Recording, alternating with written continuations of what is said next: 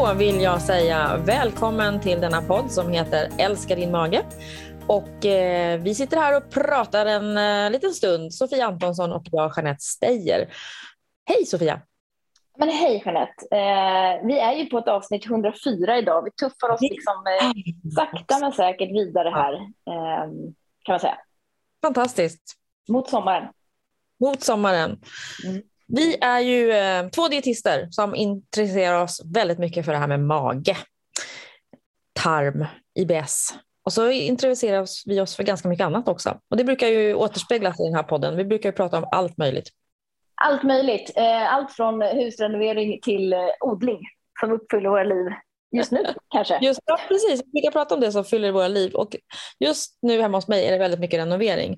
Eh, som jag sa tidigare, jag sitter här i eh, vårt sovrum för att spela in den här podden i mina snickarbyxor med kniv och tubbstock och eh, mejsel i högsta hugg. Det är alltid bra att vara redo när man eh, renoverar. Verkligen. Mm. Och du odlar på? Jag odlar faktiskt inte mycket. Det är min sambo som står för det. Han, eh, han, är ju, eh, han fördjupar sig mycket i eh, det han gör och eh, tittar mycket på Youtube och eh, förmedlar väl som vanligt egentligen någon typ av eh, hopkok eh, och essens då till mig om olika saker, typ hur man bäst odlar tomater, hur man bäst odlar potatis och Eh, så vidare. Så det är faktiskt, eh, ja, men det, jag tycker det är kul att han har ja. hittat det intresset. Det är verkligen fantastiskt. Och jag tänker så här, det har jag säkert sagt tidigare, men hur gjorde man liksom förr i tiden när man typ skulle lära sig något nytt? Mm. Alltså när inte Youtube fanns. Då läste man en bok som regel. Ja, man gick till biblioteket och lånade någon typ av handbok i, ja. som någon hade skrivit då för x antal år sedan. Exakt. Kanske. Mm. Ja, det, är så, det är så coolt att man liksom kan komma i kontakt med så här världsledande ja, både forskare men också typ så här, människor som är grymma på någonting, som har liksom verkligen grottat ner sig i så här, så här optimerar man tomatodling. Mm, alltså, då mm. slipper man ju hålla på och, och försöka förstå det själv. Mm. Nej, det är ju fantastiskt, vad roligt. Och det där kommer ju liksom dig till godo också, hans kunskaper ju, tänker jag, när odlingarna börjar ge, bära frukt, när ni kan skörda.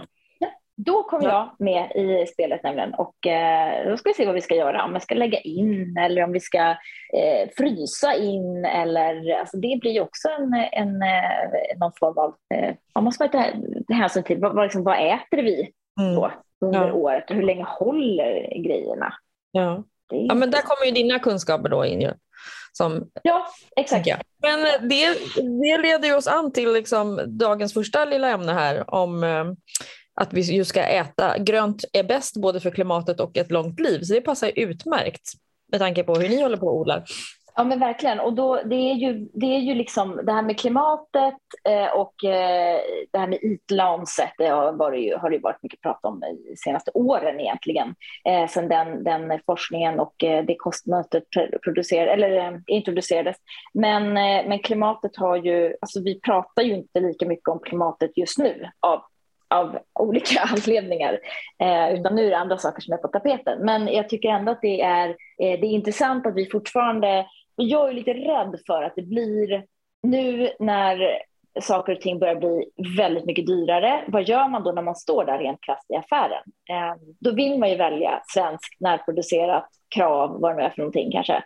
Men nu kommer det ju till en, en liksom ett beslut då. Ska jag betala tre, fyra, fem gånger så mycket för någonting? Mm. Eller ska jag ta den danska fläskfilén? Mm. Nej, men det, det där är ju jättesvårt. Eh, tror jag. Man står, precis som du säger, man står där och ska välja och eh, precis när priserna stiger så mycket som de gör på allting just nu, det blir ju verkligen kännbart i plånboken. Och då är det nog lätt att man väljer de sakerna ibland som då är billigast och kanske inte det som är det bästa då, miljötänket. Um, och just den här studien, jag tänkte bara förtydliga det som du pratar om, det är ju att man har kommit fram till vilken kost som är bra för klimatet och samtidigt ska ge bättre hälsa och längre liv. Det var ju det man tittade på där och har liksom tagit fram då med, med beräkningar vilken typ av mat vi ska äta för att, att rädda planeten. Och det, egentligen så är det väl inga, det är inga sådana här, det brukar vi ju säga när det kommer sådana studier, det här är ju egentligen inget nytt. Nej. Men det är bra att än en gång slå fast då, mera växtbaserat med grövre grönsaker och fullkorn och mindre animalisk mat. Det är det vi helst. Så vi helst ska tänka. Ja, och, och jag blir ju lite glad ändå när man, när man läser om sånt här. Eh, för att det är inte svart eller vitt här och det är det jag tycker är så skönt att det inte är så här. Och vi ska aldrig mer äta något animaliskt. Alla måste bli veganer. För då får vi inte med oss gemene man. Utan det här är ju ät mer av, ät mindre av. Mm. Väldigt mycket bra. Lite lättare att förhålla sig till det. Ja, verkligen. Tänker jag. Mm.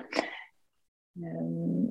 Vad har man gjort då med den här um, alltså man har utvärderat då eh, utifrån det här med, med eh, alltså hur, hur lever man länge?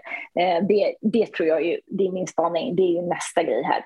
Hur, alltså det här med, jag ska inte säga evigt liv, för det är ju, ligger ju ganska, ganska långt bort, men just det här med att, att liksom hur förlänga livet tror jag är nästa stora grej. Tror du det? Ja, att mm. folk vill leva. Ja leva längre. Men man vill ju gärna vara frisk medan man lever. Det tänker jag det är nästan mer intressant än att leva länge, om du frågar mig. Ja, exakt. Ja, men precis. Och då, då, då är det lite effort kan man exakt. säga, för att hålla sig eh, frisk och, och pigg. Och det tycker jag man också ser. Jag såg något så här litet inlägg på några sociala medier häromdagen. Någon eh, person som var 96 och styrketränar och, och han var så fit Eh, alltså inte någon bodybuilder, men han var ju riktigt fin i kroppen, bra hållning och han började med att trä, träna rodd när han var över 60. Oj, ja, häftigt. Mm. Så det är ju mm. verkligen aldrig för sent. Det är ju liksom, så är det ju. Mm. Mm. Ja, den här... Tillbaka till... Mm. Ja, jag tänkte bara just i den här, just den här forskningen då hade man tittat just på de som hade ätit mest likt den här Eh, eat Lancet-kosten eh, jämfört med, grupper, med en grupp som hade ätit minst likt och sett just att det fanns, eh, liksom, och tittat på dödsorsaker, att det fanns liksom bland annat 32 procent lägre risk att dö i hjärt-kärlsjukdom eh, för den här gruppen som åt på det här sättet, eller mest likt i alla fall, och 20 procent lägre risk att dö i cancer bland dem eh, som åt då enligt mest likt Lancet. Och, eh, och man liksom har ju dragit konklusionen där också att att det som är bra för hälsan är i stora drag också bra för miljön. Och det kan också vara ett, liksom, ett bra tänk. Man behöver inte bli så förvirrad och rädd att göra fel om man håller sig till eh, saker som man tänker det här är bra för hälsan, då är det som regel oftast okej okay för miljön också. Mm. Exakt. Men lite som var lite intressant där också, det var det här med, att, eh, med närproducerat, att man tänker alltid att det ska vara det bästa, men att det är kanske inte den viktigaste frågan i det stora perspektivet, för att transporterna är inte den stora, stora boven, vad man förstår i det här, utan man har ju räknat liksom på andra saker som eh, liksom klimat, vattenanvändning, hur det påverkar biologisk mångfald och liksom gödselanvändning och försurning och sådana saker man tittar på. Och att transporterna är, liksom, det är en del av en bov, men det är inte den största. Nej, och jag blev lite förvånad för på den här listan ät mindre av potatis. Och då tänker mm. jag så här, någon har sagt till mig, jag kan inte ta gift på det här, men att, att eh, det vi är självförsörjande på i Sverige, det är potatis. Och nu då med min sambos potatisodlingar så vet jag också att eh, potatis vill inte ha så mycket näring. Nej. Nej, men det är någon, det stod där. Någon, ja, precis. Någon anledning måste finnas. Det här är ju, man tittar på ett globalt perspektiv, så där kanske potatisen då blir ändå på något vis, ja, av någon anledning. Mycket transport eller mycket produktion. Jag vet inte, man kanske att man använder potatisen och gör väldigt mycket andra produkter av, att det blir då kanske eh, det blir en större påverkan på miljön. Mm. Mm. Kanske. Men här är det ju också Klassikerna, ja. nötkött, lamm, fläsk, fågel, ägg, mejeriprodukter. Ät mindre av det. Ät mer av grönsaker, frukt, omättade oljor, baljväxter, fullkorn, nötter och fisk. Ja. Om man har det... egna höns då, som gör egna ägg? Ja. Är det bättre, eller? ja, det tror jag. Ja, kanske. Men det är också det är precis... många frågor. Det är inte svart eller vitt, utan det är liksom ett, lite mindre av det här för att vi äter liksom väldigt mycket av vissa av de här sakerna. Och ät mer ja. av de här sakerna som vi redan vet att vi borde äta mer av, de flesta av ja. oss. Exakt. Alltså, mm. Jag gjorde en uh, intervju här i veckan med uh, ja. en journalist från Aftonbladet. Ja, ja. Hon hörde av sig. Du, eh, kan du kommentera lite här på, känner du till eh, Longevity Diet, någon bok och någon forskare och professor och så här? Jag tänkte, vad är det här nu då som jag ska kommentera? Ja, mm. visst tänkte jag, jag går in och kollar lite. Intressant, för att det är då en professor som heter Walter Longo som har skrivit en bok som heter Long Longevity Diet, alltså hur man ska äta för att leva länge. Ja. Alla råd, om man komprimerar de här, han har typ så här sju grundråd från, från sin bok. Alltså, alla råd är de råd jag ger. Mm.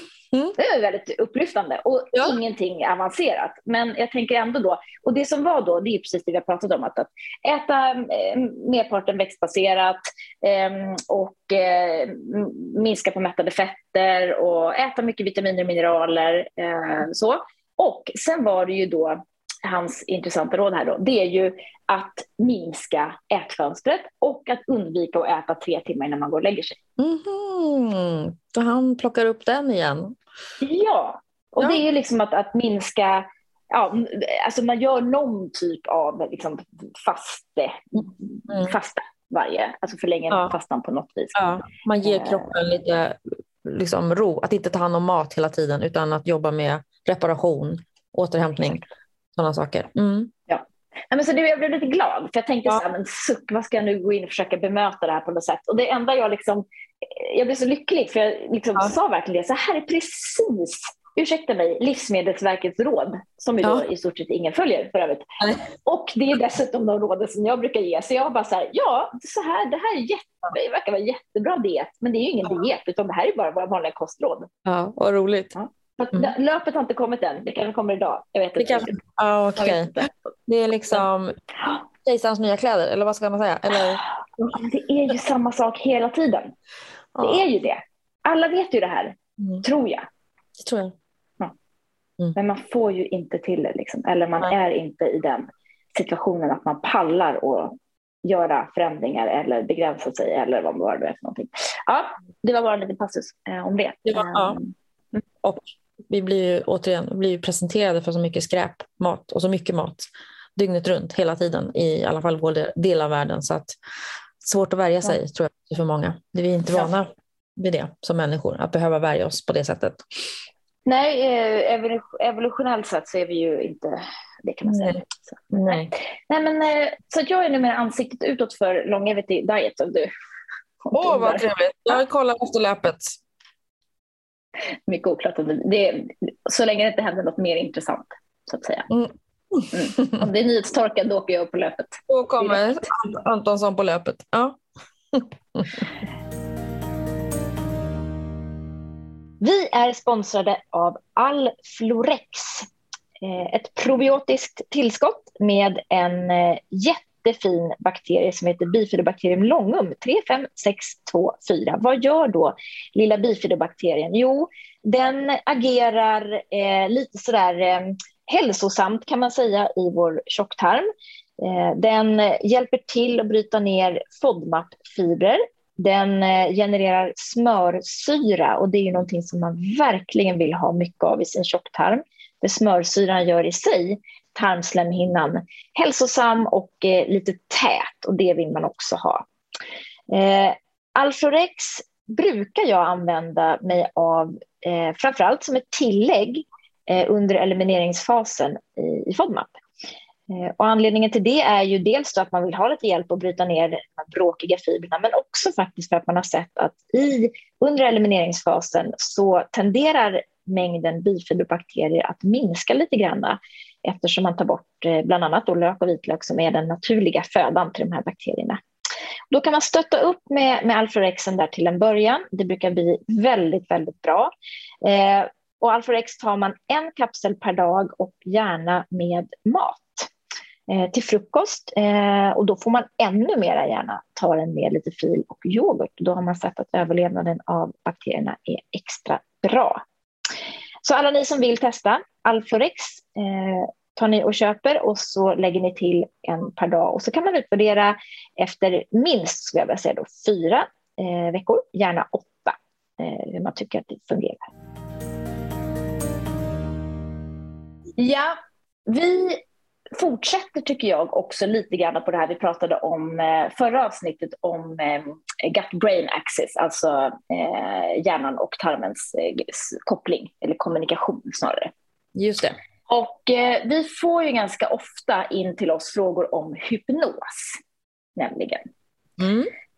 och hypnoterapi eller hypnosterapi, det finns väl inget egentligen helt klart begrepp för det.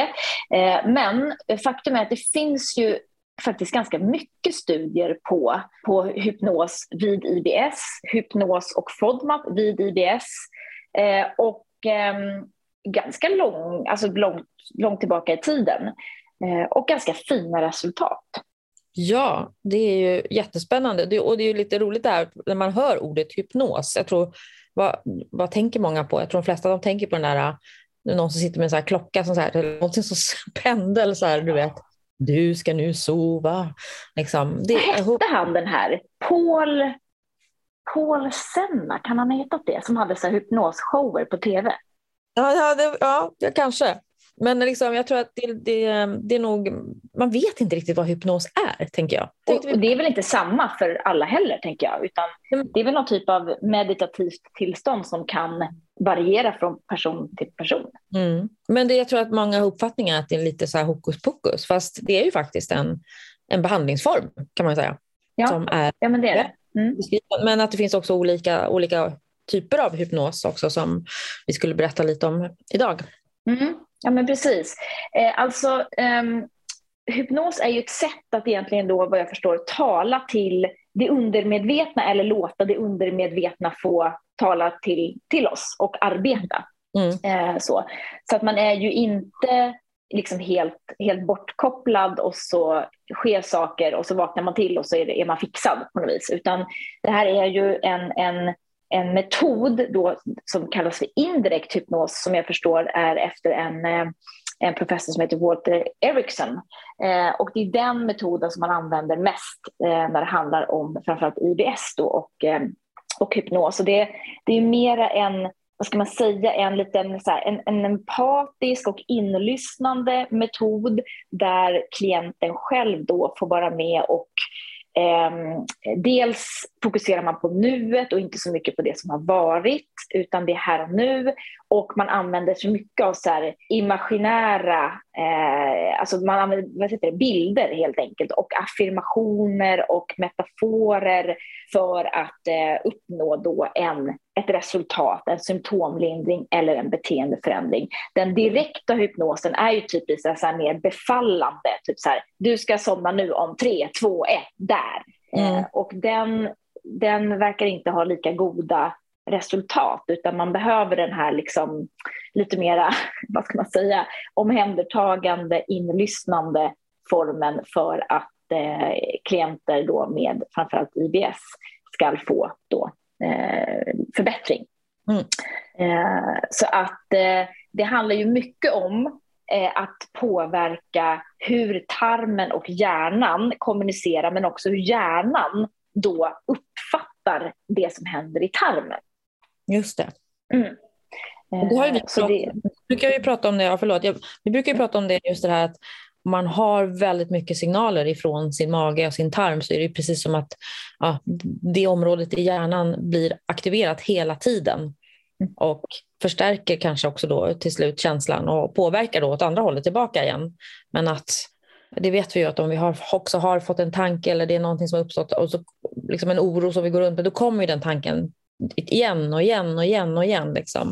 Och det är väl det som ofta händer just när man har en sån mage. Det blir som en överaktivering av, av dem, det området i hjärnan på något vis. Just det. Ja, men precis. Eh, så det här är ju egentligen ett sätt att påverka då sitt medvetande tillstånd och göra det mottagligt då för liksom, kreativa lösningar kan man väl säga. Mm. Eh, och att man ska liksom lite mer få kontakt med sitt inre och förstå det. Eh, och eh, det är ju där många med IBS också tycker jag eh, beskriver att liksom, man tycker magen är så jobbig så man har liksom försökt bara blockera ut hela det området i stort sett. Mm. Mm.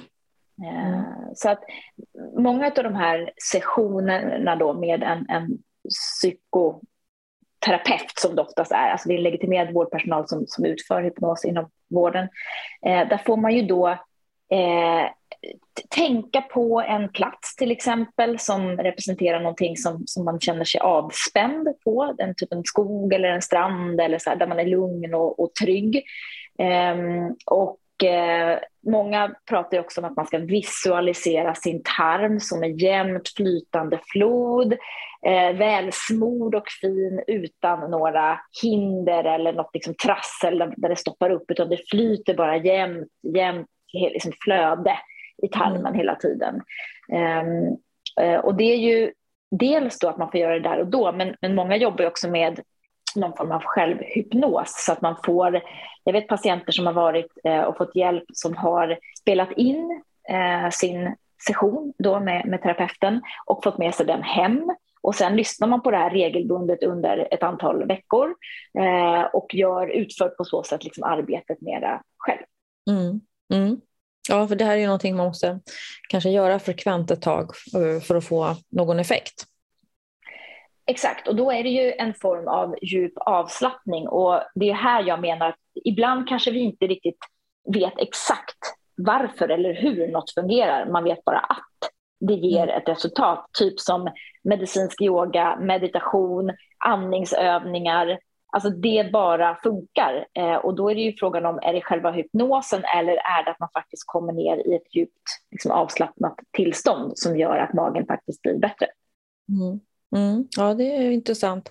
Den där, den, där, den där Eriksson, han hade väl också just att, att han menade att man behövde inte vara i sån, någon deep eh, trance, eller vad heter det, liksom djup, mm. eh, vad säger man, transtillstånd, utan att liksom, han menar också att vi själva liksom kanske några gånger om dagen är i ett litet sån här tillstånd när vi dagdrömmer eller att liksom man på något vis liksom går in i sig själv att man även då kan påverka det undermedvetna, liksom, även i lättare tillstånd. Liksom, att man inte behöver vara i det här djupa hypnotiska tillståndet. Just det, mm. men verkligen. Eh, och, och jag brukar alltid säga så här att man kan inte hypnotisera bort gaser ur tarmen. Det är ju svårt. Men det man gör här är att man på något vis eh, lär, alltså att hjärnan lär sig att reagera annorlunda på signalerna som magen skickar upp. Och då kan man till exempel tänka att obehag och smärta upplevs som mindre helt enkelt. Um, och det, vi pratar ju ofta om den här volymkontrollen som är kraftigt förstärkt uh, när man har IBS. Det vill säga, känner man en smärtsignal från, från magen eller tarmen så blir den tio gånger värre hos den som har IBS för att hjärnan uppfattar den på ett helt annat sätt än hos, hos någon annan.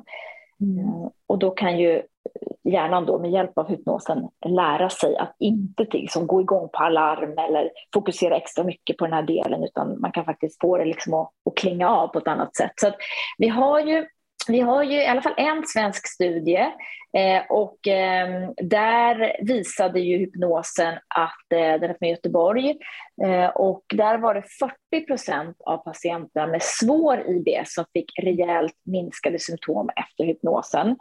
Eh, och ehm, då har ju de här inte gjort någon kostförändring heller. Så att man kan ju tänka sig att FODMAP plus hypnos möjligen ger ett, ett ännu bättre resultat. Och jag har ju jag har ett antal patienter så här, som under åren har gått på hos mig och sen har de också tagit hjälp av hypnosbehandling för ja, jag brukar säga att när man har gjort FODMAP, då ser man vad som är kvar och vad som är relaterat kanske till, till annat än just kosten. Eh, mm. och då har man gått och fått hjälp med det. Så att mm. eh, de två i kombination är ju intressanta att undersöka. Verkligen. Och det, som jag, för det här som vi pratar om nu, det är ju inga, inga nyheter. Utan det, är liksom, det här är gam, lite äldre studier. Det här har tidigare erbjudits inom vården, vet ju vi i alla fall. Ersta har haft i Stockholm tidigare, men att man liksom har tagit bort det igen, att det inte finns. Och, och det är ändå när man för länge sedan har konstaterat det här, eller sett till exempel som i den här studien, att det liksom så pass många blev bättre. Om det hade varit läkemedel så hade det varit liksom, wow, det här måste vi producera. Eh, men liksom att, att det inte erbjuds på fler ställen, det är ju verkligen konstigt tycker jag. Jag tror inte att det finns eh, så många som har den här kunskapen. Nej, så kanske Nej. Jag tror faktiskt inte att det är så, eh, vilket ju är jättetråkigt eh, för att eh, det här är ju en superpotential. Liksom, eh, men eh, vi har ju då Marta Sjöberg som är som tidigare jobbat på Ersta med hypnos precis specifikt vid IBS och varit egentligen den enda i, i landet som hållit på med det här många, många, många år. Eh, hon mm. är ju pensionerad eh, och jobbar inte kvar där längre. Eh, så att nu är jag osäker på om vi någonstans i Sverige ens erbjuder hypnos liksom inom ramen för vården mm. när det gäller IBS. Sen kan man ju alltid, alltså det finns ju massa privata psykoterapeuter som, som arbetar med hypnos och jag vet ju att många får hjälp därifrån också att, att visualisera och sådär. Man behöver inte vara liksom jätteinriktad på IBS för att avhjälpa liksom, magproblem. Men eh, just inom, alltså om man ska koppla till primärvård där vi kanske rör oss mest, där finns det väldigt begränsad, om ens någon, som erbjuder det här. Skulle någon som lyssnar på detta veta så får ni gärna höra av er till oss. Det vore roligt att kunna upplysa om det är någonstans i Sverige det går att få det via vården. Ja, men precis. Eh, vi är ju superintresserade av det här och eh, får kontakt också för att vi, som, som du säger, ibland eller ganska ofta eh, vill rekommendera patienter vidare eh, och, eh, eller att de får gå i samtidig behandling och då är det ju jättebra att ha det. Så att, eh, Känner ni någon som känner någon så kan ni alltid eh, hojta till. Eh, man har ju också i eh, Australien på Monash University eh, undersökt hypnos och FODMAP eh, och bara hypnos på IBS-patienter under åren. Det finns, finns flertalet studier där. Eh, vi hade någon eh, som var rimligt ny här, va, Jeanette? Ja men precis, det var en, eh, ja, den här från eh, Monash, den var ju 2016 tror jag va? Eh, och det kan ju ibland, nej 2019, det är ju 19, rätt, ja, rätt, rätt, nytt för att vara studie. men vi har, vi har faktiskt också kommit en ännu senare studie. Men den här är intressant, tycker jag också roligt att det är Mona som har gjort det, som ju också har liksom verkligen gjort mycket forskning på, på just FODMAP och tagit fram den kostbehandlingen. Men de fortsätter ju att intressera sig för hur man får liksom minska sina symptom och hur man, då som man brukar prata om, lägger det här pusselspelet i sin egen behandling för att hitta de bitarna och det, de hjälpmedel man måste ta eller få för att bli bättre i sina symptom. Och det brukar vi prata mycket om, just att det är det här pusslet som ska läggas. Och som du säger, man gör FODMAP och sen får man se liksom vad är det som är kvar, vad, vad behöver jag ytterligare för att det här ska bli bättre. Och där kan ju eh, hypnosen vara eh, ett sådant hjälpmedel. Så de gjorde en, eh, en stor studie. Där delade de det var 78, eller stor och stor, men 78 stycken människor som eh, blev delade i grupper där de fick eh, hypnos eller fick FODMAP-dieten eller fick en kombination. Och de såg ju att det, de var ju 70, vad, vad sa de, 70 procent, 72 procent. Mm blev bättre i sina symptom. Och det är ju lika stor andel som man brukar prata om att FODMAP, blir, folk blir hjälpta av FODMAP. Eh, ja, precis. Det är det här som är intressant. Ja. Det är ju eh, jättespännande. Mm. Och sen jag har undrar vi... ju bara, hade de något resultat? Det hittade inte jag någonstans. Eh, på, på gruppen där de hade fått både hypnos och FODMAP. Eh, ja, vad står det? Nej, jag hittade det här faktiskt. Um, Nej. Precis. Det tänker man att det borde ju vara det bästa då. då. Eh, ja, men, men det, exakt. Om man får, ja, det är det som är spännande. Får man lika bra resultat och det håller i sig eh, att få hypnos som att göra FODMAP, då kan det, kanske hypnos vara en enklare väg att gå för vissa då, som kan få den här hjälpen mm. än att ändra sin kost. För det brukar ju vara rätt svårt ibland att lägga om kosten. Exakt. Mm. Ja, men precis. Har det kommit en då ännu nyare studie eh, från i år. Mm. Eh, och den är också väldigt intressant tycker jag. Den gjorde man i eh, Hongkong var det va? Och det var just med den här Ericksonian hypnoterapi mm. och även traditionell eh, hypnos. Och sen var den sista gruppen då fick, eh, eh, vad ska man säga, utbildning, information om mm. IBS. Att de blev uppdelade i de tre grupperna. Och alla blev bättre, vilket också är intressant, att alla blev bättre till en början. Mm. Eh, och det vet vi ju också när man pratar om, när man får en kunskap om sina symptom, att det brukar liksom lätta då på något vis. Kanske lite mm. oro som släpper och man förstår sin kropp bättre. Men eh, däremot så såg man ju då när man tittade lite längre fram att då var det de här hypnosgrupperna då som eh, mådde, hade fortsatt lindring i sina symptom. Exakt. Och det är det här som verkar ju lite lovande. För alltså, I flera studier så har man ju sett att, att symptomlindringen kvarstår upp till i alla fall sex månader efter hypnosbehandling. Och det är ju en, en rimligt bra eh, tid. Mm. Det är verkligen, det är det. Mm. Och sen är det också många med, med IBS som har andra, liksom lider av psykisk ohälsa på andra sätt, depression, ångest och så vidare. Och den påverkas ju naturligtvis positivt av hypnosen också. Mm. Ja, men precis. Och det är väl man eh, tänker sig att just de som har en IBS som är väldigt kopplat till stress eller till liksom, ja, känslor, ångest, oro och sådana saker. Eh, att de kanske är de som får, får mest hjälp, tänker jag, av den här formen av behandling. Mm. Så det är mm. alltså presenterat i år, så den är ju verkligen färsk, den studien. Det är den och det här är ett jätteintressant område. Det jag ser att, att liksom som, som vi behöver då, det är ju flera eh, personer, psykoterapeuter förmodligen då, som, som behöver eh, utbildas i hypnos. Absolut, och att vi kan få det då eh, inom vården. Det är lite som medicinsk yoga, liksom att den togs fram och den används faktiskt idag inom vården. Ja. Det är ju lite häftigt. Fantastiskt. Mm. Så, så det hoppas vi på eh, här inom, eh, inom en, en, en, framtid, att vi kan eh, eh, ja, men alltså, vi letar ju också efter, efter psykologer som vi kan knyta till oss som har intresset för, för IBS och maghälsa. För det är ju, det är ju ändå lite speciellt att jobba med klienter som har den här typen av problem och som kanske dessutom har restriktioner i kosten, FODMAP eller någonting annat, eh, då kan man inte bara köra på med den klassiska eh, KBT-terapin till exempel, där man ska utsätta sig och exponera sig för, för sina liksom, eh, ja, olika situationer och livsmedel och sådär, utan då behöver man ha en lite annan approach för att det ska bli eh, framgångsrikt. Så att, eh, ja, vi lovar då, när vi får reda på något mer eh, om vad man kan eh, få bra hjälp kring hypnos, eh, om ni vill testa det, så ska vi plocka upp det här i eh, podden. Verkligen.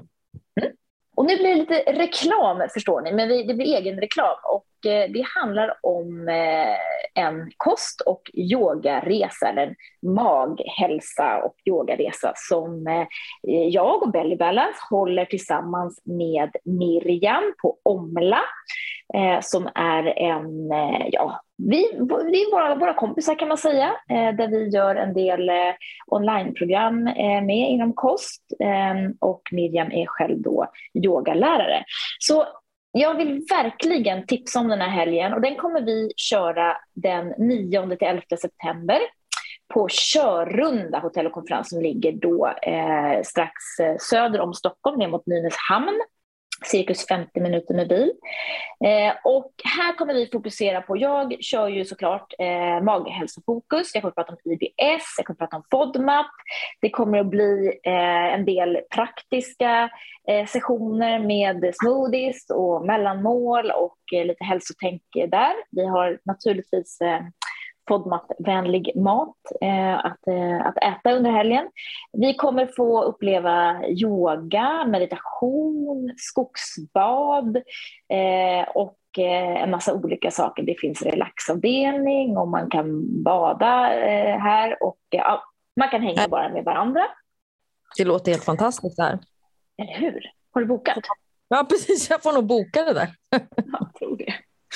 Ja, nej, men det, är, det är fantastiskt fint på, på Körrunda och jag vet att vi har planerat en sån här resa väldigt liksom, länge och jag vet att många har efterfrågat också, kan man inte få åka på någon, på någon liksom, lite så fast track helg och komma in i det här eller komma igång eller komma igång igen om man nu är en, en inbiten FOD-mappare men har tappat lite grann så här, eh, ja, inspirationen kanske så, så kan man hänga med på det här och få också en koppling då mellan hjärnan och eh, magen. Eh, få lite återhämtning och eh, avslappning.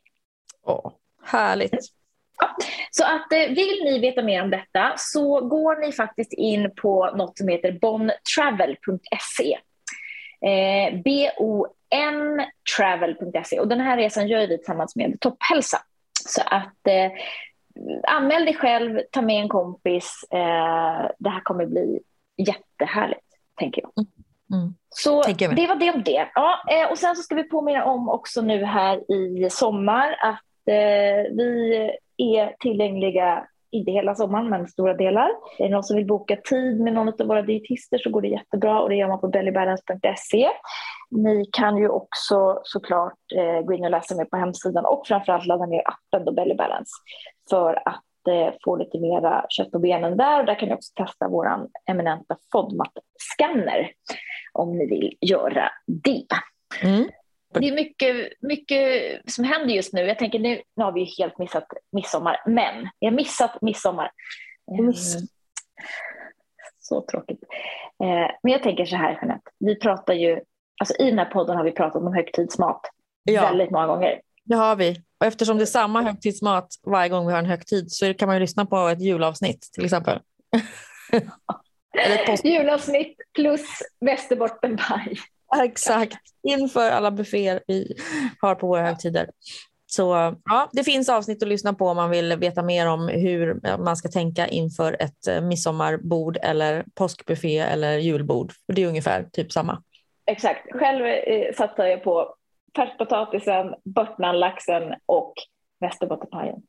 Det är dina favoriter. Jag kan äta mm. mig genom, jag kan klara mig med sill och potatis hela sommaren egentligen.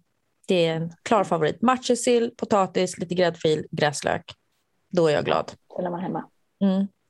Bra. Eh, ja, men då så. Då får ni helt enkelt scrolla er fram till ett avsnitt där vi pratar om någon form av högtidsmat så får ni plocka eh, därifrån helt enkelt. Toppen! Det var, det var slut och tack för idag. Ja, det var det faktiskt. Vi önskar väl allihopa en superskön midsommarhelg. Vi kommer tillbaka här med, med ett par poddavsnitt till. Sen är det sommaruppehåll eh, från oss och så är vi tillbaka i höst igen. Så att, eh, vi hörs inom kort då. Ha det så bra!